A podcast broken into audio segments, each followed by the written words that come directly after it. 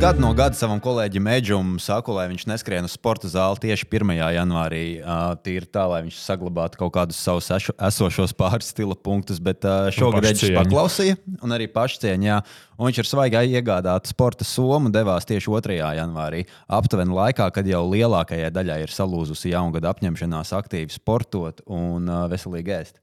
Jā, nu, par, par to, ka cilvēki janvārī tradicionāli šturmē sporta zāles un apņemās dzīvot veselīgāk. Tas tā kā standarts ir, bet uh, man tāds jautājums ir, vai arī pie uzturu speciālistu kabineta durvīm uh, gada sākumā ir garāks rīns, un skaidrs, ka ar sportošanu vien līdzēts nebūs, vajag arī normāli ēst. Un, uh, Tad uh, šo jautājumu mums palīdzēs šodien šķetināt divas uzturu speciālistus. Pie mums studijā ir uh, Ksenija Andrijānova. Čau! Čau! Un Viktorija Zakarkeviča. Čau, čau! Nu jā, jauns gads, jauns eģis. Jauns es. Jā. Vai jums arī 2023. gads ir iesācies ar potenciāliem spēka mitriķiem pie jūsu uh, digitālajām vai visādām citādām durvīm ar jautājumu, nu, ko man darīt? Bet tomēr man būs iespēja būt pirmajam, kas ir ieģis. Kā... Pirmais, jā, kuru mēs šodien šķetināsim, jo viņam ir apņemšanās uh, mēneša laikā ļoti lielu bicīti vienai rokai uztaisīt. nu, es teiktu, ka jā, noteikti cilvēku aktivitāte ir palielinājusies, un tas ir normāli. Um, bet um, jāsaka, ka noteikti drusciņi arī tā. Iespējams, ekonomiskā situācija mums apkārt mazliet uh, cilvēkus uh, piebremzē, uh, bet es priecājos par to, ka tomēr um, redzu to tendenci, ka vairāk cilvēki meklē to uh, individuālo pieeju, ne tik ļoti uh, varbūt kaut kādi, nu, vēl, protams, nekur nepazudīs uzturu plāni simts cilvēkiem pilnīgi vienādi, bet, bet tik un tā cilvēki tik un tā vairāk un vairāk, manuprāt, sāk meklēt to individuālo pieeju un saprot, ka nu, internetā mēs varam atrast pilnīgi jebko. Nu, piekritīsim, nu, jebko. Bet tā problēma jau slēpjas tajā, ka tas prasa ļoti, ļoti daudz laika, un uh, ne viss, kas tur ir, ir taisnība. Un pašam izšķitināt, nu, arī man reizēm lasot, ir jāpadomā, hei, pagaidi, pag, pag, pag, vai tā ir taisnība vai nav, un kur nu vēl cilvēkam bez um, kaut kādas izglītības šajā jomā. Kā, es teiktu, ka iet uz pozitīvo pusi. Mana izpratne varbūt par šo ir drusku novecojusi, jo es pāris gadus jau privātas konsultācijas nesniedzu. Bet to, ko es atceros, jā, bija tā, ka janvāris, februāris bija pilns ar pierakstiem. Bet patiesībā mm, vislielākā sezona, kad cilvēki nāca, parasti bija kāzu sezona, kad sievietēm pāris mēnešus pirms kāzām vajadzēja nomest svaru. Es teiktu, tur bija pat lielāks īpatsvars nekā pēc jaunā gada. Tas tas klasiskais variants, kad arī par uh, summer body mēs sākam domāt māja pirmajā pusē, vai ne? Tad jāsarauj ir ātri līdz jāņem. Jātiek vaļā no 15 kg. Jā, es tieši gribēju prasīt, cik ilgi parasti tas uh, jaunā gada posms, cik ilgi viņš velkās. Uh, jo Viktorija tieši minēja, ka div, divi mēneši, janvārs, februāris. Ja? Teica, kā... Nu, apmēram, jā, un tad vasarā jau viss saprot, nav jēgas, un ko jau nu tur vairs. Nākamgad, jā. jā. Un, ko, ko viņi parasti prasa arī teiksim, tā pati kāzu sezonā? Kādas ir tās populārākās prasības? Man vajag strauji nomest uh, 10 kg, man ir divas dienas laika. Lūdzu, dariet kaut ko. Uh, jā, uh, pieprasījums ir tāds, ka jāizraksta diēta. Un, uh, tas patiesībā ir tas brīdis, kad cilvēks iziet ārpus kabineta, pēc tam nekad neatgriežas, jo viņš ir drusku vīlies. Tu viņam pasaki, ka viņam būs jādzīvo jauns dzīvesveids, bet viņš ir gaidījis, ka es viņam iedošu lapiņu, kur ir rakstīts pirmdien divas solis, trešdien ūdens glāze, ceturtdien grapefruits nu, tāds nestrādā. Un līdz ar to atbīrums, klienta atbīrums ir ārkārtīgi liels. Uh, varbūt nu, nezinu, 20% paliek un turpina to normālo ceļu, veselīgo ceļu. Visi pārējie atnāk uz mani konsultāciju un pazūd. Jāpaceļ ir maksa pirmajai konsultācijai. Tas pirmais biznesa padoms, ko šodien un eģu to lapiņu, ko es tev no rīta izmetu, iedevu to lūdzu metārā. Man ir aizdoms, ka tas droši vien ir ne tikai ar uzturu speciālistiem, bet arī ar to pašu minēto sporta zāli. Kad, uh, pēc pirmā mēneša ļoti daudz iet projām. Jau, nu, Nedēļas laikā sešpaku nedabūnu viss. Es, es atceros arī tādu gadījumu, kad acīm redzot, kāds bija saņēmis dāvanā abonementu. Un, un es redzēju, ka šī dāma uh, visu laiku cītīgi strīdējās pretī trenerim, ka viņa negrib pildīt tik daudz vingrinājumus, un starp piegājieniem viņa dzēra kvasu no pusotra litrīgās pudeles. Tas ir leģendārs gadījums. Jā. Uh, cik, li cik mēs runājam par ātru svara nomešanu. Ja skatās realistiski, cik, ko, kā, kā, kāda ir tā līnija, cik vispār ir iespējams šiem cilvēkiem, tā kā, kas tā primāra atbild, ko viņi parasti saņem, cik ātri var nomest svaru normāli. Ja mēs tā pilnīgi šausmīgi viduvēji skatāmies, nu, lai nekaitētu veselībai. Protams. Jā, nu, normāli. Nu, ja nekaitētu veselībai, tad jā, tas ir cits jautājums. Jo jā, jā, mēs... Jautājums ir, ko grib nomest? Vai viņi grib nomest taukus, vai viņi grib zaudēt šķidrumu no ķermeņa, vai viņi grib zaudēt muskuļu masu. Nu, principā skaitās vidēji, lai nodrošinātu tieši tauku zudumu, veselīgs svara zudums ir apmēram 1 kg nedēļā. Tas ir tas, ar ko ierēķinās. Ja cilvēkam ir ārkārtīgi liels liekais svars, tad viņam tas iesākums var būt straujāks. Bet kā beigu beigās tāpat ir jāiziet uz to vienu kilogramu nedēļā, lai ir drošība, ka zaudē tieši taukus, nevis ķermeņa šķidrumu vai muskuļu masu. Um. Es arī drusku papildināšu un piemetīšu savu komentāru. Man jāsaka, um, ka uh, tā auditorija, kas pie manis nāk, īstenībā ir ļoti, ļoti izglītota un jau ļoti daudz ko ir izlasījusi, kas nevienmēr ir uh, vieglākais uh, variants, uh, ar ko strādāt. Bet, bet jāsaka, ļoti reti man nāk tā, ka nu, tiešām man vajag šī tik nomest un, un visu. Un, Nav citu variantu. Es atkal uz to pozitīvo pusi eju, ka nu, varbūt arī tāpēc, ka es par to runāju savā Instagramā vairāk, bet līdz ar to arī cilvēki vairāk nāk, kuri tiešām saprot, ka kaut kas no to attiecībām ar uzturu līdz galam nav. Jā, saprotu, ka varbūt pašsajūta iespēja tieši šis uzturs. Un vispār jāsaka tā, ka par svaru mēs runājam ļoti maz. Um, lai gan tas nekur nav aizmirsts, un es saprotu, ka cilvēkam tā ir nu, viena no biežākajām vēlmēm, kāpēc viņi iet pie uzturu speciālista. Bet uh, mēs um, vispār šo jautājumu apskatām tikai svaru jautājumu, nu, praktiski vispār nē. Mēs runājam tikai par pašsajūtu, par to, kā, kā cilvēkam izdodas ieturēt šos jaunos um, um, ieteikumus un tā tālāk. Un, um, svars tad jau nāk pastarpināt, un īstenībā cilvēks pats šajās sarunās par svaru pat aizmirst. Nu, es pieļauju, varbūt kaut kas nav tā, ka vispār izslēdz, bet prioritātes ļoti, ļoti mainās.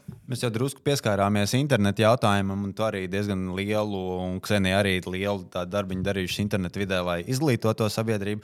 Uh, cilvēki paliek izglītotāki uzturu jautājumos, ņemot vērā, es skatījos arī to Instagram, arī liela cipari, un uh, Ksenija arī nevienu nokaitētu diskusiju ir uh, pamanījusies uztaisīt. Uh, tā gada griezumā skatoties, vai mēs paliekam gudrāki šajos jautājumos, vai arī tas ir tikai kaut kāds burbulis apkārt, kuru uh, jums sanāk izgaismot, un patiesībā tā lielā bilde nemainās? Es teiktu, jā, un uh, man ir ārkārtīgi liels prieks par to. Tieši pēdējo gadu laikā esmu novērojis, ka cilvēki paliek izglītotāki. Jo atceroties sevi, es esmu 89 gada izlaidums, uh, un uh, manā jaunībā samazina, svara samazināšana bija tikai un vienīgi diēta. Visādas ātras diētas, nedēļa pārtika no biespiena, no sipola zupas, dikāna diēta un vēl visādi antizinātniskie brīnumi. Šobrīd cilvēki jau vairāk un vairāk sāk saprast, ko tas patiešām nozīmē, un ka tu nemaz nevari īsti izvirzīt sev kaut kādus, es zaudēšu 20 kg līdz vasarai, jo viņi saprot, ka tā realitāte var atšķirties, un tas reāls svara zudums būs lēnāks, neparedzējamāks, un tā, ka tur var būt dažādi šķēršļi ceļā. Tā kā, jā, arī es teiktu par pārtiks kvalitāti, cilvēki palika izglītotāki. Un arī uztura mīti ir gājuši mazumā. Jāatzīmē gan, ka tur uh, rodas jauni, kaut kādas jaunas, uh, uh, populāras, modīgas diētas, bet viņas varbūt nav vairs tik kaitīgas un tik radikālas, kā tas bija pirms 10, 15 gadiem. Kas ir tas radikālākais piemērs, ka, ko tev ir sanācis dzirdēt savas prakses laikā. Tādas diētas, kuras taču var iedzīt kapā kādu varbūt. Radikālākais, es teiktu, ir visa veida monodiētas. Tas ir tad, kad tu lieto tikai un vienīgi vienu produktu vairāku dienu vai pat nedēļu garumā. Teiksim, nedēļu uz kefīra, nedēļu uz biespienu, uz griķiem. Tie bija populārākie produkti. 30 dienas svārkos. Šīs te, un es atceros, bija tāda ārkārtīgi populāra vielmaiņas sakārtošanas diēta. Es nezinu, kādu vielmaiņu bija paredzēts sakārtot, bet viņa sastāvēja pārsvarā no grēpfrūtiem un olām. Tas arī bija tāds radikāls pasākums, bet toreiz, uh, laikos, kad bija populāri tie pirmie neveiklie sieviešu portāli un draugiem LV, šī vilmeņa sakārtošanas diēta gāja uz urā, un cilvēki viņu nekritiski ievēroja, pat neuzdodot sev jautājumu, vai tas ir kaut kas labs, kas ir autors, vai esam nenodarījuši pāri. Tas solis gāja iekšā, nu, kā maz neliekas. Es pie šī tā pilnīgi nesaistītu. es pie šī tā pilnīgi nesaistītu. Starp citu, atcerējos to, kas nesen man izmeta uh, sociālā tīkla promotācija, laikam, kurā Viesturas dūle piedāvā kursus, kurā pie, piedāvā sakārtot, nu, nomest svaru uh, zemapziņas līmenī, ka mums ir zemapziņa, kas ir uzstādījusi optimālo ķermeņa svaru. Un kad nevis kalorijās ir šis jautājums, bet uh, zemapziņas līmenī. Tā, es pat nezinu, vai es prasu komentāru par to. Es vienkārši. Jā, par absurdām lietām. Bet... Proti, tas ir disbalans. Tava zemapziņa ir tieva, bet tu esi īstenībā bijis lielāks nekā tava zemapziņa. Un, un tad viesturs palīdz varbūt to zārgus. Jā, sal, jā, salīmeņot. Jā, bet ir drausmīgi jocīgi, ja izrādās, teiksim, tu aizej pie viņa un izrādās, ka tava zemapziņa ir ārkārtīgi resna. Un tu esi tievs, un tad tu vienkārši viņš uz otrā to var nosvičot. Ne? Labi, bet ne par to stāstu. Mēs aizgājām līdz tādam ātrai svara nomešanai, kaitīgajā versijā. Kāds ir tas temps, ko cilvēks var dabūt ļoti strauji kaitējot sev? Uh mhm. -huh. Un kāda riska nāk līdzi? Kāda riska ir? Jā, ka, nu, eventuāli nomirt ir protams, vienmēr risks, bet, bet tādi populārākie gadījumi kādi ir. Mm -hmm. Nu, es uh, druskuļi vēl uh, piemetināšu arī par tiem. Uh, Vispār arī par šiem te, kā, cik izglītotie cilvēki ir. Es papildināšu par to, ka jā, īstenībā um, nu, Šobrīd varbūt neviens uh, tik izteikti neēdīs uh, tikai olas, piemēram, nu, izņemot uh, lieldienas, bet, um, bet ir ļoti, ļoti daudz visādi šādi jā, zemapziņa un, un tur piesaistīšana, sazemēšanās un satīn, kas tur vēl, kas izklausās kā baigi gudri un uh, gudrāk nekā nu, mēs te visi varētu iedomāties. Līdz ar to tas aiziet tādā nākamajā līmenī, ka uh, ka tie mīti kļūst ar vien sarežģītāki un komplicētāki, kad nu, īstenībā pat speciālistam ir jāpadomā, nu, kas tur vispār notiek. Un atbildot uz to jautājumu, kas, kas tad nu, tiešām reāli ar to cilvēku var notikt un, un par tām straujām visiem svara samazināšanām. Nu, pirmais jau ir tas, ka mēs čakarējam arī to attieksmi pret uzturu. Nu, tas nav tikai vienkārši izslēgsim visu, nometīsim svaru, viss skaisti forši, bet kas notiks tālāk? Un, cik reāli mēs varam izbaudīt to, ko mēs ēdam, cik komfortabli mēs jūtam pēc, jūtamies pēc tā, ka mēs esam pēduši. Tas ir viens. Un otrs, protams, mēs sačakarējam arī savu vilmaiņu. Un īstenībā tā ir baigi jaukā lietiņa, kur nevajadzētu čakarēt.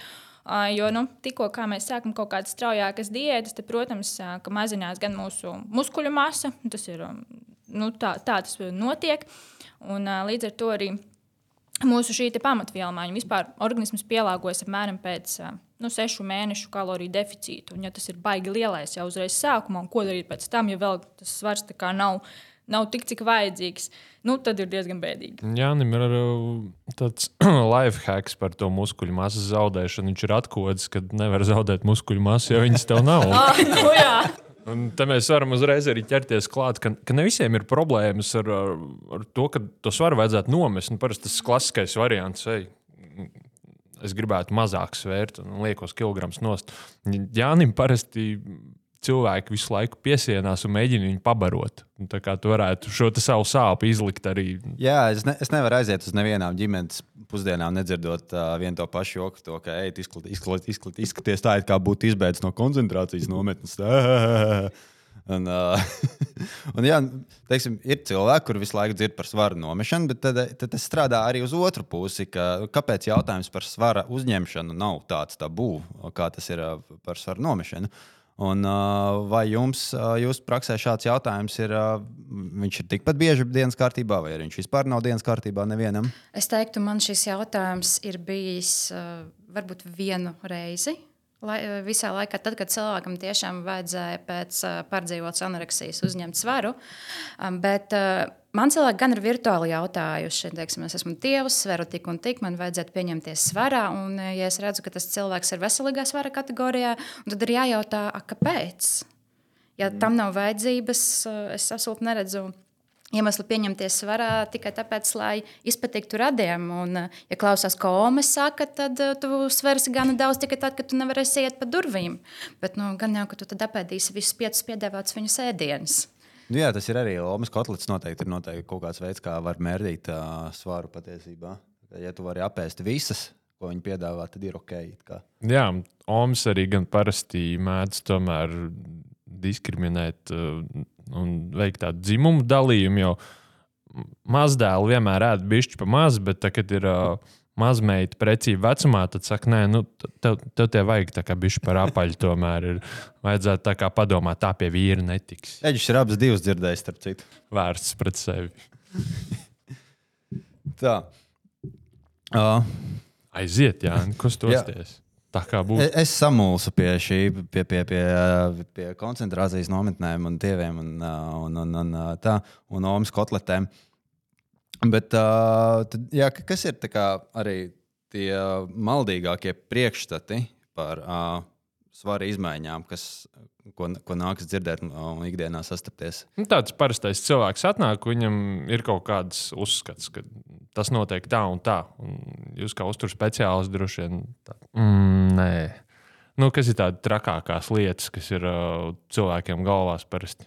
runājot par svaru nomešanu? Tas, kas um, man visvairāk um, nepatīk un kas ir diezgan globāli izplatīts, tas ir ēdienu uztveršana par ienaidnieku. Jo ēdienu uztver kā tikai un vienīgi liekas enerģijas avotu, kas mūs panākti padara resnus no tās sērijas.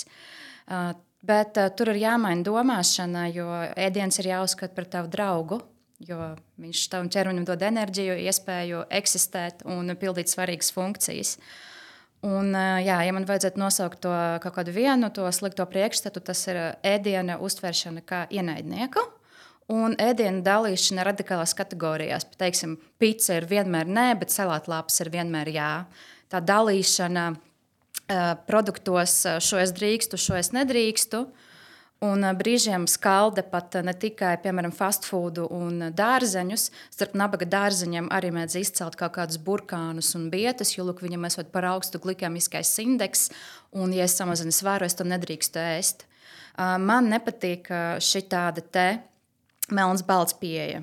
Kādi, kādam būtu jābūt tam normālajam sadalījumam starp šīm grupām? Kā, vai arī tur nav īstenībā starpība? Uh, nu, es teiktu, tur ir jāskatās, vispār, kas ir par cilvēku mums priekšā, kāds ir viņa dzīves stāsts, uh, dzimums, vecums, esošais svars, garums. Uh, Uh, darba specifika, miega stundas, kādas zāles viņš lieto, kādas saslimšanas viņam ir.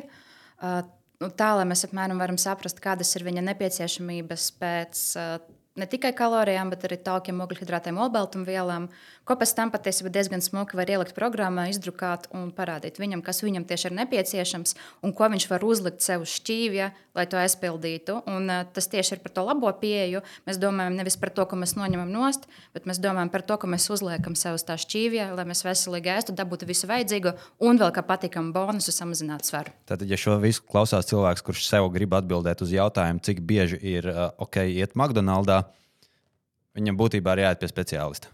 Jā. Okay. Izskatās, ka tev nestrādā. Jo Jānis diezgan bieži iegriež šajā ģimenes restorānā, sauksim to tā. jā, man ir pastāvīgā klienta karte. Uh, Sveicinos ar kulaciņiem. Vēl viena tāda, jā, interesanta lieta, kas uh, bieži izskan, ir sliktās un labās kalorijas. Ir tāda lieta, vai visas kalorijas ir vienādas, vai ir kaut kādas sliktās kalorijas, labās kalorijas. Es uh, piekritīšu par to, ka mēs nevaram, tāpat kā mēs nevaram uh, salikt produktus divos uh, plauktiņos, re, kur man stāv viss labi, re, kur man stāv viss sliktie. Un, Un tāpat mēs nu, nevaram arī sadalīt um, šīs kalorijas, un tas nebūtu korekti. Protams, ja mēs domājam, nu, nezinu, mēs apēdīsim uh, kaut kādus uh, pilngrāmatā makaronus ar, ar vistu un salātiem un uzņemsim tādu skaitu, vai apēdīsim uh, kaut kādus uh, saldumus, piemēram. Nu, protams, ka mums tā ilgāka sāta sajūta un vairāk uzturvielas mēs dabūsim no tā pirmā varianta. Es domāju, šeit arī uzturspeciālists nevajag, lai šo saprastu, bet uh, tikpat svarīgi ir apzināties. Uh, ka mums tas ēdiens ir arī jābauda. Mums ir jāļauj sev ik pa laikam arī mm, pamēģināt um, un izbaudīt šos našķus savā ikdienā, iekļaujot. Jo, ja mēs to nedarīsim, tad mēs tās sliktās kalorijas uzņemsim daudz, daudz vairāk un daudz, daudz biežāk. Tikai visticamāk pārēdoties vai kaut kādās brīžos, kad tās emocijas dod savu, un, un tad tie tie ēdieni, kurus mēs esam tur nolikuši, tās sliktās kalorijas kaut kur malā, tad tie arī būs tie, kas visbiežāk prasīsies. Uh, ir atšķirība tajā, cik bieži un cik liels porcijas sēž. Nu, piemēram, ciela viņa uzreiz no rīta un visu atlikušo dienu es vairs neēdu, vai es ciela viņa ēdu astoņās ēdienreizēs dienas garumā. Jā, īstenībā atšķirība ir diezgan liela. Um, ja mēs domājam tieši par kaut kādiem saldumiem, vai nešķiem, vai uzkodām, jo tad, ja mēs um, tas, ko es iesaku, ja tev gribēs kaut ko garšīgu, ja tev prasās to cieliņu, no apēst to cieliņu, viss kārtībā. Bet uh, ar nosacījumu, ka tā nav tava pamatēdienreize, ka tu esi paēdis. Un uh, domājot par to biežumu, tas, ko es vienmēr iesaku, ka mēs apēdam to našķi pēc pamatēdienreizes. Jo tad mēs jau esam uzņēmuši obaltumvielas, šķiedrvielas, taukus, un respektīvi mūsu cukura līmenis pēc šīs mm, pēc šī našķīšana tik strauji nelēkās. Un ko tas praktiski dod? Tas praktiski dod to, ka mums. Uh, negribēsies vēl vairāk našķēties. Jo bieži vien ir tā, tajās dienās, kad neko negribās, tu apēdi to našķi un liekas, ah, un visu dienu tā arī paiet. Un tas bieži vien ir tieši dēļ šīm cukuru svārstībām. Tā kā es ieteiktu našķīšus ēst pēc pamatēdienu reizēm vai pielikt kādu taukvielu avotu klāt. Nu, nesākt rīt uzreiz uz tādu rīktīgi saldās nots pataupīt mazliet vēlākam. Okay, bet tik daudz par uh, našķiem, bet uh, tas jautājums, kas bija arī uh, par to ēdienu ah, reizi dalī, mm -hmm. dalīšanu. Teiksim, divreiz lielas porcijas vai nezinu, četras mazas. Ir tas starpība? Nav. Es teiktu, tas ir atkarīgs no katra cilvēka individuālām kaut kādām īpatnībām. Arī no tā, kā viņš strādā, kāds ir viņa darba stils, vai viņš nezinu, ir ļoti liela atšķirība, vai cilvēks centrāli tirgo visu dienu stāv kājās, un uh, viņam ir maza iespēja kaut ko ieiest, vai viņš tur laiski sēž oficiālā un var izvēlēties dalīt uh, tas ēdienreizes. Un tas ir ļoti dažādi. Uh, ir arī, protams, svara samazināšanā momenti, kur nav tādas vienotas zinātniskas atbildes, kā ir labāk, jo tas ir lietas, ko katrs pats savu var saprast, var gan tā, gan tā. Arī ir gan daudz pētījumu par to, ka absolūti nav obligāti jāiet brokastis. Bērniem nu, tomēr iesaka, ka vairāk jā, jo tie bērni, kuri no rīta brokastis, viņam ir skolā uzrāda labākas kognitīvas spējas, labāk mācās, uztver vielu, bet pieaugušiem pa lielam Ja viņš mostas no rīta, viņam ir slikta duša, un viņš par tēdienu domāt negrib, nemaz nav tas brokastis jāēd. Tā kā arī šeit ir vieta brīvām izpausmēm. Cilvēkiem patīk teikt, o, esmu tik individuāls, tur man ir tāds organisms un tāds organisms. Un dažreiz uh, tu nemaz neesi tik unikāls nu, kaut kādos veselības jautājumos, bet uh, teiksim, šajā jautājumā, cik bieži ēst, nu, man liekas, katrs tiešām var izvēlēties, kā viņam labāk patīk. Interesants arī jā, tas punkts par tām brokastīm, jo tā ir arī viena lieta, ko vecās mācīs vienmēr nākot iekšā ar kāju pa priekšu pa durvīm ar uh, milzīgu spaini, kas ir pilns ar kotletēm, saka, pāriet brokastis, citādi tev diena būs neizdevusies. Tas tad būt pēc būtības, tad tā arī var būt, ka tā nav. Ja? Jā. Okay. Es, jūs runājat visādas gudras lietas, bet man visu laiku grauza viena doma prātu. Es gribētu oponēt tam, ka ciela ir našķis un nav pamatēdienas. Mēs vienkārši šo te atstāsim. Nē, patiesībā varam arī neatstāt, jo ir viens interesants virziens mūsdienās, kura uzturzinātne pārklājas ar psihoterapiju, kas saucas intuitīvā ēšana. Viņa nav gan no, vērsta tieši uz svara samazināšanu, viņa ir vērsta uz attiecībām sakārtošanu ar ēdienu. Un intuitīvā ēšana saka, ka ja tu tik tālu izproti savu organismu un proti jau saprast savu sātu badu, kas viņus triggero, un ja tu saproti, ka tiešām būs tikai viena cieliņa, apēd to cieliņu un liecies mierā un izbaudi viņu. Un pēc tam no rīta pamodīsies un domās tālāk. Varbūt šodien jau gribēsies, nezinu, salāts ar vistas filēju. Tā kā šāda pieeja arī ir patiesībā ļoti interesanta, un es skatos, Latvijā lēnām arī ienāk. Bet jā, tur vajag arī psihoterapeitu komandā, lai to veiksmīgi realizētu. Tā ir mm, attiecība sakārtošana ar ēdienu. Ja? Tas nav gluži tas, es ēdu, ko gribu, un man ir normāls svars. Ja? Tas bija citādāk. Tas ir, es iemācos izprast savu ķermeņa reakcijas uz ēdienu tik tālu, ka es jau zinu, ko un kad es gribu, un eh, vai es varu to atļauties tajā brīdī. Tā kā, ja tā tiešām būs uh, viena cieleviņa, un tas jau saka stop, tad tu ēd vienu cieleviņu un saki sev stop. Bet nebūs tā, ka tu visas piecas dienas varēsi atļauties viņu ēst, jo, hei, intuitīva ēšana, es gribu. Mm, īsa atruna arī, ka Staburāts nesponsorē šo podkāstu, bet, hei, mēs esam atvērti. ir visas iespējas. Ir visas iespējas. Viena cieleviņa un Sponsorings ir. Daudz kas var notikt. Jā, Mēs runājam par labajām, sliktajām kalorijām, un ir arī jautājums par labajām un sliktajām diennakts stundām. Piemēram, meģis mēdz atnākt naktī mājās. Nav tā agrs, agrs rīts. Agrs rīts, jā, un aizsēdēties pie baltmaizes kastes. Un tad ir cilvēki, kuriem saka, to, ka pēc sešiem vakarā ēst ir slikti. Vai ir kaut kāda starpība diennakts stundai, kurā tu ēdi? Vai arī tas ir atkarīgs no cilvēka? Tas tik vienkārši, kā dienā uzņem šī kalorijas, patērē šī tik, un, ja tur tas balanss ir ok, tad ir diezgan vienalga, kurā dienas laikā es viņu. Es ļoti daudz reizes dzirdēju teikumu no, cil no cilvēkiem par to, ka es neēdu pēc pusdienas sešiem. Jo... Nu, tas Jā. ir tāds padomju mīts, vairāk tieši par tiem pusdienas sešiem, kad es mēģināju rakties, saprast. Uh, no kurienes viņš nāk, tas eh, neesmu pēc sešiem. Es tā arī neatradu. Izskatās, ka tas bija 90. Eh, gados, kad Latvijā no Krievijas ienāca tā visa tā dīvaina veselības literatūra. Tad no turienes tas ir aizgājis masās, bet tam arī nav nekāda pamatojuma. Bet kopumā, nu, cik e, pēc informācijas, kas ir manā rīcībā, ir svarīgs individuāli cilvēka gulēšanas un nomoda režīms Tad var skatīties, kādas ir viņa maltītes. Jo, piemēram, ja cilvēks strādā māju darbus, piemēram, medmāsa, kur ir diennakts dežūra, nēst pēc sešiem strādājot visu naktī, nu, tas būtu ārkārtīgi muļķīgi. Nu jā, tam noteikti nav nekāda pamatojuma. Un, um, es teiktu, ka nu, svarīgākais tiešām pasakot, lai nesanāks sēsties tieši pirms gulētiešanas, kas varētu pasliktināt šo te, uh, miega kvalitāti. Bet ļoti bieži, tad, kad mēs neēdam pēc sešiem, mēs ēdam desmitos, vienpadsmitos kāds 12. Un reizēm arī pieceļās vēl naktī, jo tā izsalguma sajūta ir tik liela, ka nu, aiziet gulēt vienkārši nevar. Bet īstenībā, jā, tas tieši mans gadījums. Es bieži vien atnāku mājās 11. un vienkārši pēdu nu, daudz vairāk nekā es pusdienās esmu ēdis. It kā pagaidām problēma nav. Tā tev liekas. Varbūt tā man liekas. Varbūt tieši tāpēc tas ieradies un uzskaitīs arī visas savas mīļākās uh, diētas. Mm, jā, mēs varētu parunāt par, par uh, dažām, ko mēs atradām internetā. Jo mēs kā lieli, es gribēju teikt, ko mēs zinājām un praktizējam, kā liela diēta speciālisti ir Jānis. Uh, katru dienu citu ņem aiziet uh, vidusjūras diēta, kas tas ir, vai tas strādā vai nē, vai tas ir veselīgs uzturs, ko par to saka pētījumi. Um, labi, es, tad, es tad ķeršos klāt šim.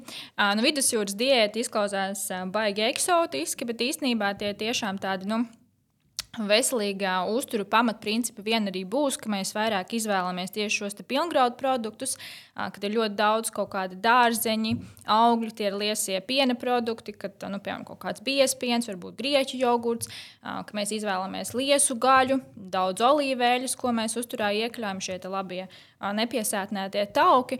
Nu, respektīvi, daudz vis kaut kā forša, bet tas, tas, ko es gribētu uzsvērt, noteikti, ka nu, nevajadzētu tā. Man varbūt drusku nepatīk tā ieciklēties un pie kaut kādas vienas konkrētas diētas. Um, Zem vienas kaut kādas konkrētas diētas nosaukuma šo te, uh, uzturu veidot, bet noteikti ir ļoti daudz uh, plusu, nu, ko no šīs ņemt. Un tīpaši, ja mēs domājam par uh, kardiovaskulārajām saslimšanām, kur noteikti ir pierādīts, ka tieši ar šo vidusjūras diētu apmēram 30% mazāk šī iespēja, ka cilvēks slimo ar kardiovaskulārajām slimībām, kas, diemžēl, Latvijā mums ir nu, izplatītākā. Jā, numur viens nāves iemesls šobrīd. Jā, vēl tā vidusjūras diētā ir ļoti daudz zivju, kas latviešu ēdienkartē nav raksturīgi, kas man liekas ļoti, ļoti forši. Un kas man, man īsti nepatīk nosaukums vidusjūras diēta, jo es teiktu, tas ir vairāk dzīvesveids, tas ir normāla pārtikas uzņemšana, nav diēta. Kaut gan neskatoties uz to, ka diēta no grieķu valodas tulkojas kā dzīvesveids, mūsu izpratnē vairs diēta tomēr nozīmē kaut ko citu, kaut kāds ierobežojums. Vidusjūras uzturs tie nav ierobežojumi. Tas ir vienkārši ļoti labs veids, kā ēst. Un, ja cilvēkam ļoti vajag to labelu, Jo bieži vien, un ir psiholoģiski, ir vieglāk pieturēties pie kaut kā, kam ir nosaukums. Un tu vari uzkarināt birku un iet ar viņu pa priekšu. Un, manuprāt, ļoti labs uzturveids, ko paņemt sev, ar ko identificēties, un tad tā arī turpināt ēst. Vai vidusjūras diētā ir arī kaut kāda loma vīnam? Nu, saka, ka tajā sarkanvīnā ir tie antioksidantiņi, bet nu, jautājums ir, cik daudz tā sarkanvīna, jo arī alkohols satura kalorijas, un, kā mēs zinām, alkohola kalorijas pazūd kaut kur četros no rīta, ko par tavu saprātu. Tā tad, kā... viņš, tad ar viņām atopies pie tās baltmaizes kastes. par geogrāfiskām lokācijām Ziemeļvalstu diēta. Šeit noteikti tas uzsvers būs uz to, ka mēs nesteigājam ikdienā gar vidusjūru un neplūcam olīvītes, bet, bet mēs skatāmies uz to, kas ir reāli mūsu pagrabos un dārzos Kartupeļi. apkārt. Jā, piemēram, tie paši kartupeļi, vai ir kaut kādi burkāni, bietas, kāposti un tā tālāk. Un it īpaši tad, kad nu, mums tie gada laika mainās diezgan strauji ko mēs varam saglabāt, fermentējot vai, vai, vai, vai, vai skābējot un tā tālāk. Um, tas ir noteikti, šie produkti noteikti ir veiksmīgs papildinājums, bet, mm, bet tā galvenā atšķirība, es teiktu, ka tomēr to, mm, to svaigo, to antioksidantiem bagāto produktu šajā ziemeļvalstu diētā būs mazāk. Un, un arī šeit galvenais tas uzsvars būs uz rapsi, kurš teiktu, ka tomēr tam rapsim nu, pārsvarā ir olīveļa, kas būs tāda veiksmīgāka izvēle, ja mēs salīdzinām. Ir nu, lietiņas, ko var forši sakombinēt no abām kopā, bet, ja man būtu mīļākā jāizvēlas, tad es tomēr uz to vidusjūras diētu vairāk virzītos ar pieskaņu no, no pašmāju marinējumiem un fermentējumiem. Nu, es teiktu, atslēgvārds Ziemeļvalsts diēta ir sezonalitāte. Mm -hmm. Un, tas nozīmē, ka ziemā arī attiecīgi tur varētu būt mazāk svaigu augļu un dārzeņu. Bet es nezinu, cik mūsdienu pasaulē, kur veikals ir uz katra stūra, ir aktuāla tāda lieta kā sezonalitāte. Principā mums ir sezona visu laiku, ja vien tu nedzīvo viensētā, kur tuvākais veikals Latvijas ir 5 km attālumā. Tā kā, Nu jā, tur ir savi plusi, tur ir savi mīnusi. Ko vēl par viņu var pateikt, ar ko viņa atšķiras piemēram, no tās mūsu klasiskās uh, uztura piramīdas. Teiksim, ja mēs atvērsim uh, Latvijas informāciju par uztura piramīdu, tur apakšā paša piramīdas pamata būs graudaugi. Tā ziemeļvalsts diēta, tomēr cenšas tos graudaugus pacelt pakāpienu uz augšu un to pamatu veikt uz sezonālajiem augļiem, dārzeņiem. Nu, tā, tāds arī mēģinājums tam ir. Tātad tās piramīdas nav gluži. Nu nemainīgas, bet viņas no, no reģiona uz reģionu bišķīt pamainās, jā, tā uztur piramīda. Ja man vienmēr bija galvā tā, tā doma, ka tas ir kaut kas tāds nemainīgs, stacionārs un viss, kā tā piramīda ir uzzīmēta. Man bioloģijas grāmatā, mācību skolā tā viņi arī tur nu, jā, visu laiku ir apkārt trīs stūris. Ja ir kaut kāda trīs stūris, tur ir robežas, un, un robežas ir jāievēro. Skaidrs, kaut ko jaunu uzzināju. Forši. Paleo diēta. Jā, Akmens laikmeta diēta. Eģis mīļākā diēta. nu, es teiktu, ka paleo diēta pēc būtības balstās uz tādu lietu kā domāšanas kļūda. Um, filozofijā un komunikācijas zinātnē ir um, tāds jēdziens kā domāšanas kļūdas, uh, viena no kurām saucās uh, uh, dabiskuma kļūda, jeb angļuiski to nature. Un, uh, tā ir ideja par to, ka mums ir jādara kaut kas tikai tāpēc, ka mūsu senči tā darīja, un tas bija dabiski.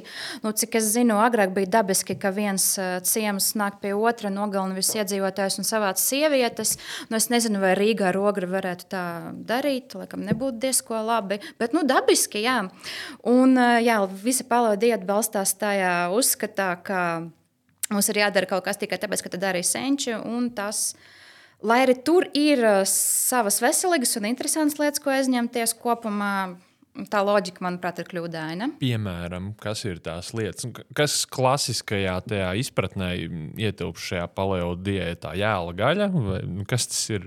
Uh, grūti pateikt, jo tas recepts, ko piedāvājam, pat absolūti brīžiem neatbilst uh, tam priekšstatam, kas par viņu ir izveidots. Jo, principā, jā, tur ir jābūt gandrīz vai jēlai gaļai, vai kas ir, nezinu, drusku uzcepta ugunskurā.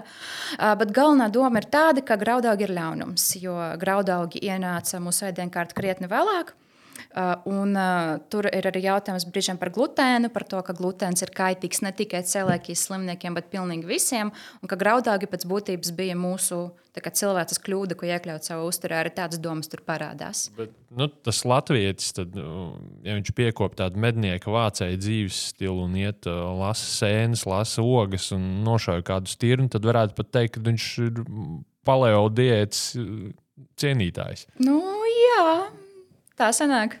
Keto diētas vēl ir trends, vai tas ir pagājis? Un kas ar tām? Mazinās noteikti. Mazinās, Aktualitāte mazinās, jā. Visi Saprot. nometuši svaru, visi laimīgi, izgājuši keto diētu, dabūjuši vimpeli, ko piesprāst klāt par to, ka uzvarētu. Varat uh, īsti to racionalitāti uh, pamatojumu ieskicēt, uh, kas tad ir šīs keto diētas pamatā un kāpēc cilvēki pavilkās uz to. Vai tur ir kaut kāda tāda Vai tur ir kaut kas, kam pavilkt? Jā. Nu, tas uh, galvenais princips ir tas, ka mēs uh, uzturā tā galvenā, galvenais enerģijas avots šajā gadījumā ir tauki. Uh, nevis ogļhidrāti, kas ir nu, lielākoties uh, mūsu uztura pamatā. Un tad līdz ar to mm, tas, protams, dod šo efektu, ka svars varētu mazliet mazliet ātrāk. Um, krist. Un arī no tā aspekta, ka tad, ja mēs mazinām ogļhidrātus, kur uzsūc ūdeni, tad uz, arī uz svariem ļoti forši uzreiz uzkāpjot, tas efektiņš parādās. Tas gan nebūs tik, nu, tas primārais nebūs uz tauku rēķina. Bet tas, kas ir jāatcerās, ka kāda jēga mums kaut ko sākt darīt, ja mēs to nevaram darīt ilgtermiņā. Un, šis noteikti nebūs tas variants, ko mēs varētu darīt ilgtermiņā, ja tiek izslēgts ļoti liels nu, uzturu produktu grupas laukā no sava raciona. Tāpēc es noteikti teiktu, ka tas nav kaut kas, ko es rekomendētu. Pirmkārt, mēs neuzņem pie, neuzņemam pietiekoši šķiedrvielas, mēs ņem, neuzņemam pietiekoši um, B grupas vitamīnus, kas ir iekšā šajos te, um, ogļhidrātu bagātajos produktos, piemēram, tie paši graudaugi. Uh, ir, protams, um, savi plusi, kas šeit varētu būt, uh, bet tas noteikti nav kaut kas tāds, ko var tā um, viegli prātīgi palaust, palaist tautās un dot pa labi, pa kreisi un šeit pamēģina. Jā, un pētījumi arī ir veikti par to, kā zūd svars uz um, ievērot keto diētu un ievērot klasisko uh, diētu ar uh, samazinātu kaloriju daudzumu. Tur bija rezultāti tādi, ka mm, keto diētas uh, ievērotājiem svars uh, pirmajā posmā tiešām zūd straujāk un rezultāts ir labāks, bet ilgtermiņā tie rezultāti līdzsvarojas un principā ir vienādi. Tā kā nevar teikt, ka Jā, varbūt keto ir sākumā efektīvāks, svaru samazināšanai, beigās tie abi izlīdzinās. Un vēl kas man liekas interesants fakts ir tas, ka keto diēta jau sākumā tika radīta.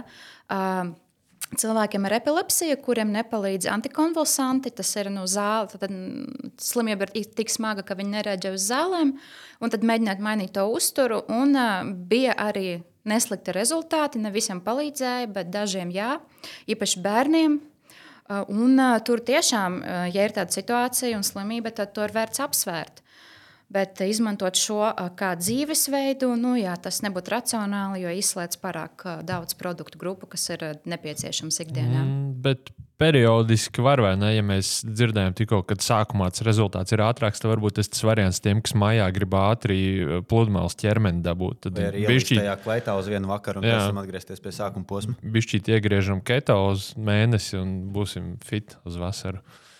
Uh, Nākamā ir tāda sārmainā diēta. Arī ir dzirdēta, ka palielinam, es nezinu, sārmainību ķermenī.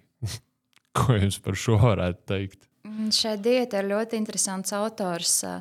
Cik ļoti jūs uzticētos cilvēkam, kurš nebūdams ārsts, izdomāja ārstēt cilvēkus ar onkoloģiskām saslimšanām, nogalināja divus un par to sēž cietumā. Tā arī būtu mana uh, atbilde, vai ir jāizvēlas šī diēta. Hei, bet uh, šobrīd uh, cilvēki dod naudu kādam, kurš ir uh, tiek tiesāts par uh, nelegālu hosteļu uzturēšanu, kuros izcēlās ugunsgrēks un cilvēki gāja bojā.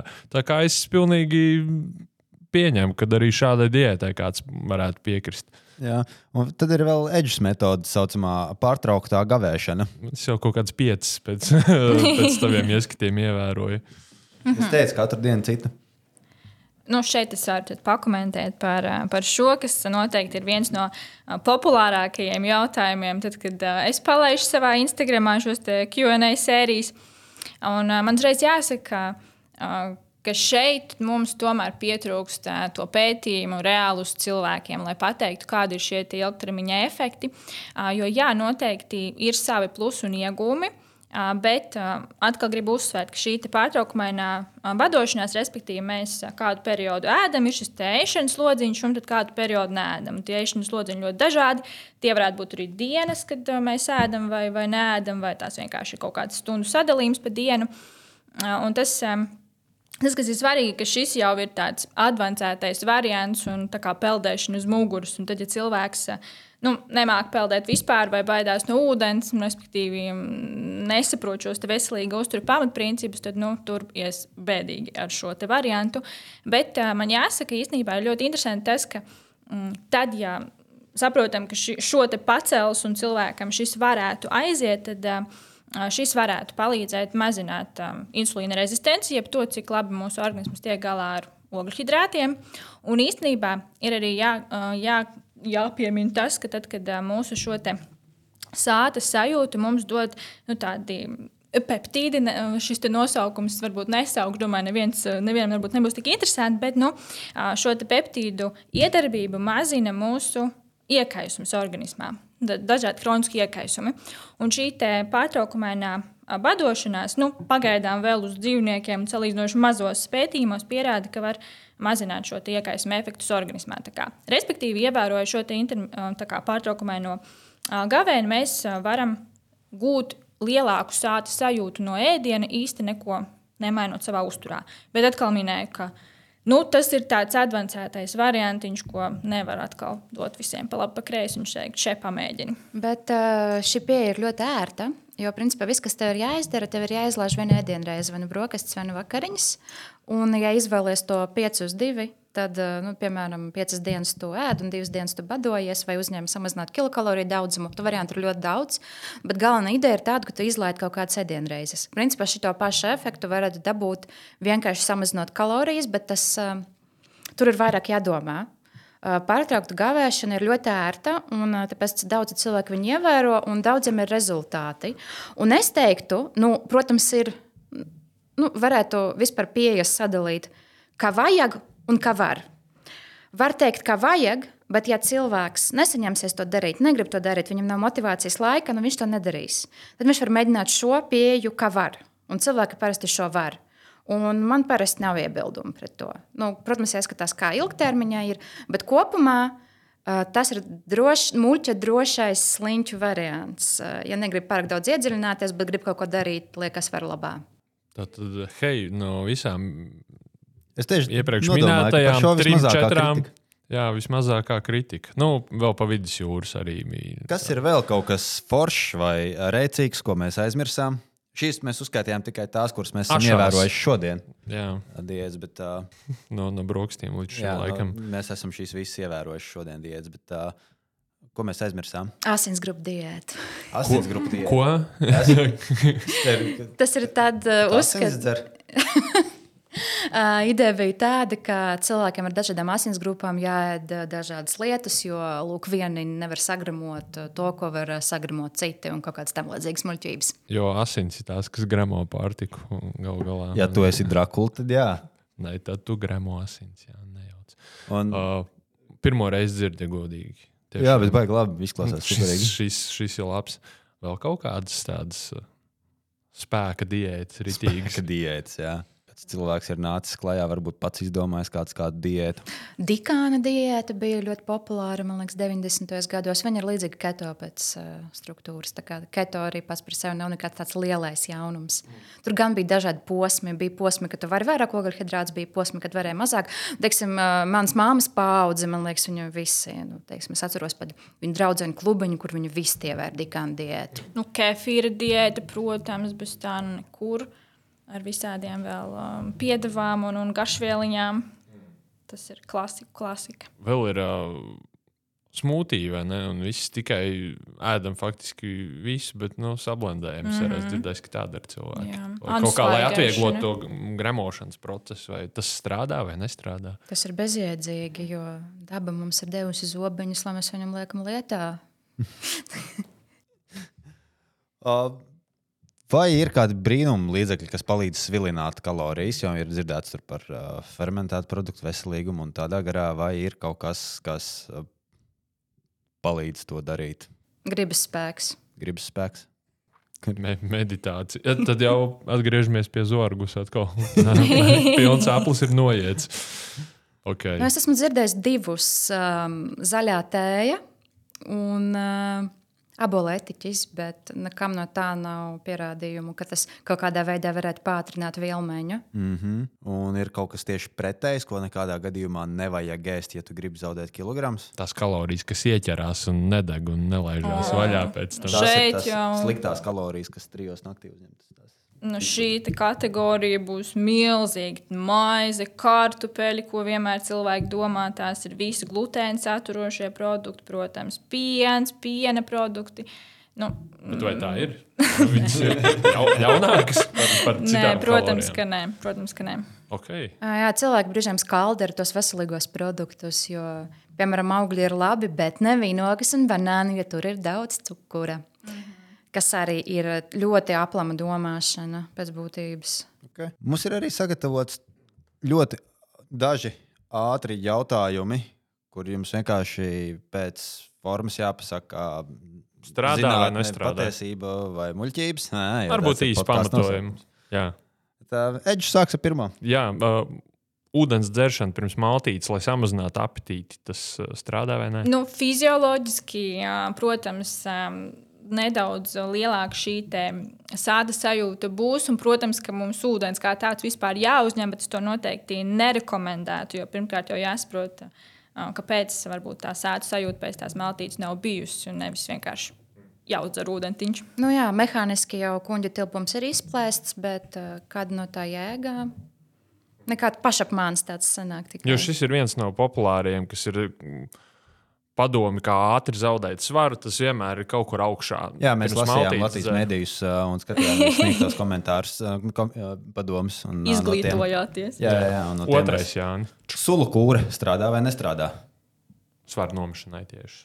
Dzeram suliņus tikai un zaudējam svaru. Oh, no. Oh, no. Pazūd, pazūd zarnu saturs, pazūd izvadās šķidrums no organisma. Nu, svars varētu zust pilnīgi noteikti. Jā, svari bet... radīs mazāku ciparu, bet jā, jā tauki. Mm -hmm. okay. Atslodzes dienas, kad ēdam mazāk vai neēdam nemaz konkrēti, teiksim, divas dienas nedēļā, tas palīdz vai nepalīdz. Ja runājam par veselīgu svaru zaudēšanu. Nu šeit to var pieskaitīt pie tās uh, paveida šeit pārtraukumainai gavēšanai. Un, kā jau minēju, tam var būt savi iegūmi, bet viens tāds baisais akmentiņš kurpē ir tas atkal šīs veselīgās attiecības ar uzturu. Un, ja mēs um, neesam, to, ja tomēr cilvēkam šo veselīgo attiecību nav, tad šīs visi pārtraukumainās gavēšanas paveidi ir mazliet sarkanais karodziņš. Okay. Uzkos starp pēdienreizēm, lai ne, ēdienreizēs negribētos piestīt, piestūķēties līdz ūkai? Eģis formulē to jautājumu. Nemāķi izlasīt vārdu piestūķēties. Es, es nebiju šim vārdam gatavs tieši šajā brīdī. Uzkost starp pēdējām reizēm, lai ēdienreizēs negribētos piestūķēties līdz ūkai. Jā, vai ne? Jā, starpēdienreizes ir normāla prakse. Un, īpaši kā, ar dzīvesveidu, kad tu brauc piemēram no darba uz mājām. Nu, tā arī man pašai ļoti aktuāli vienmēr, nu, ka ļoti gribas ēst. Uh, Un uh, tad, uh, lai tu neatnāc mājās un neizēd visu leduskapī un vēl nepasūti desmit voltiņus pa virsmu, tad labāk ir kaut kādus rīkstus pa vidu uzgrauzt. Vai nu, no, apstrūkmēs ar kaut ko. Vai cieliņus gabaliņu. Šeit atkal man, man patīk visu kaut ko iestripināt, kas es pilnīgi piekritīšu Ksenijai, bet uh, šeit ir svarīgi, ko mēs pa to vidu uzkožam. Un, uh, man nav pilnīgi nekas pret to saldumu, jo pret to cieliņu šodien, bet jā, es gribu atgādināt, ka ja mēs visu laiku starp tām ēdienreizītēm uzkodīsim kaut ko saldu, tad mums tajā plikā dušā tas saldums baigi pacels cukura līmeni augšā.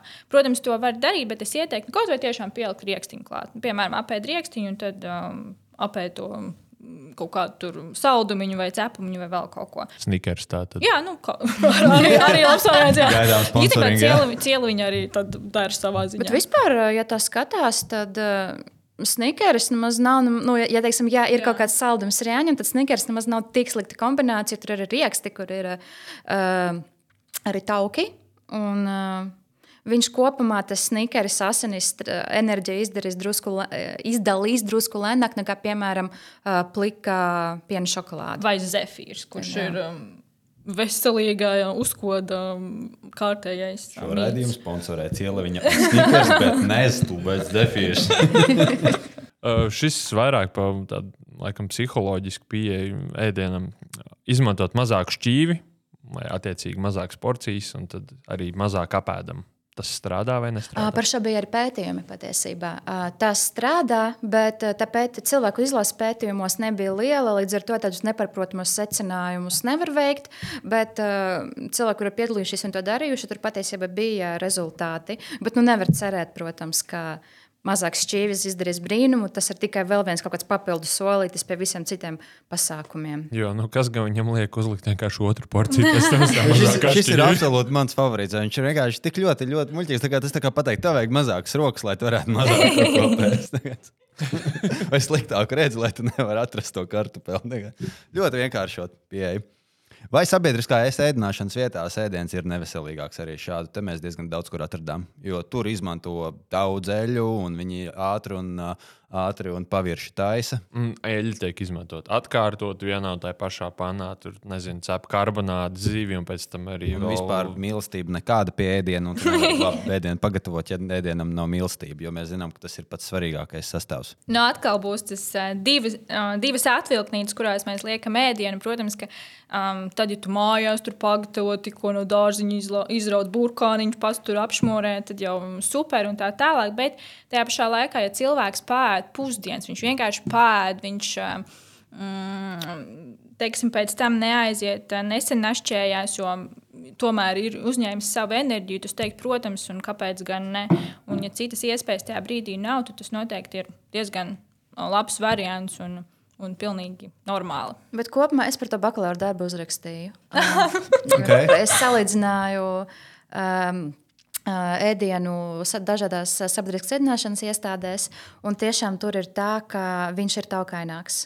Jo, lai garšotu labāk, uh, produktu, neacīm redzamos produktos ir pieliktas negaidītas vielas. Piemēram, ja mēs paskatīsimies, cik daudz tauku ir lido griķos, nu, ļoti daudz. Neatceros, cik precīzi, bet nu, tiešām tādā veidā, ka tu ēd graudaugus, patiesībā tu nemanāmi uzņem vēl taukus. Un salātus, piemēram, cik daudz tur ielikt eļļas, varbūt tur ir nevis kaut kāds vieglais krējumiņš, bet majonēze. Lai garšotu labāk, tur tiešām mēdz likt vairāk tauku. Bet Kāds ir mīnus, ka mēs par to nemaz nekad neuzzināsim, jo reti kur ēdināšanas iestāde piedāvā kaloriju un uzturvielu aprēķinu pie saviem ēdieniem. Patiesībā šai ziņā visgodīgākais ir McDonald's. Tieši tā. Tā kā, ja jūs gribat ēst kaut ko, kam jūs zinat precīzi aprēķinu, tad lepni lūdzu McDonald's. Viņš arī sponsorē šo raidījumu. Snickers, McDonald's un uh, cielaviņa, bet ne zefīrs. Kā man bija tas zefīrs? nu, fantastiski. Es domāju, ka uz šīs burvīgās nots, kurām mēs esam sarezumējuši visu, kas mūs sponsorē un kas mūs nesponsorē šodien, arī varam uh, siet kopā šo epizodi. Siet buntītē. Jā. Uh, liels paldies, ka ieradāties, ka atradāt laiku. Varbūt ir vēl kāds pēdējais komentārs, novēlējums vai vienkārši kāda atziņa, ko mēs gribētu, lai kas nosēžos cilvēkam, kas šo ir klausījies. Jā, es teiktu, Nesteidzieties samazināt svaru, uzliekot sev kaut kādus nepaprotamus skaidrus mērķus, dariet to lēnām, mierīgi, bez stresa. Un galvenais, par ko domāt, ir nevis tas, ko sev no šķīvja nostumt nost, bet ko pielikt klāt, lai būtu veselīgi un sabalansēti. Mm. Ciela viņu arī drīkst. Man formula parasti diezgan vienkārša. Ja, ja gribas zaudēt svaru, ņukā mazāk, kusties vairāk. Vai tas strādā? Ja? Principā, jā, jā, tas patiesībā ir vienīgais, kas strādā. Tā formula ir vienkārša, bet viņu ir tik grūti izpildīt realitātē. Tas būs šīs epizodes sauklis. Nu, kā mazāk uzties vairāk. Paldies! Podkāsts Zinātnē, muļķības ir tapis ar Mēdīju atbalsta fonda līdzfinansējumu.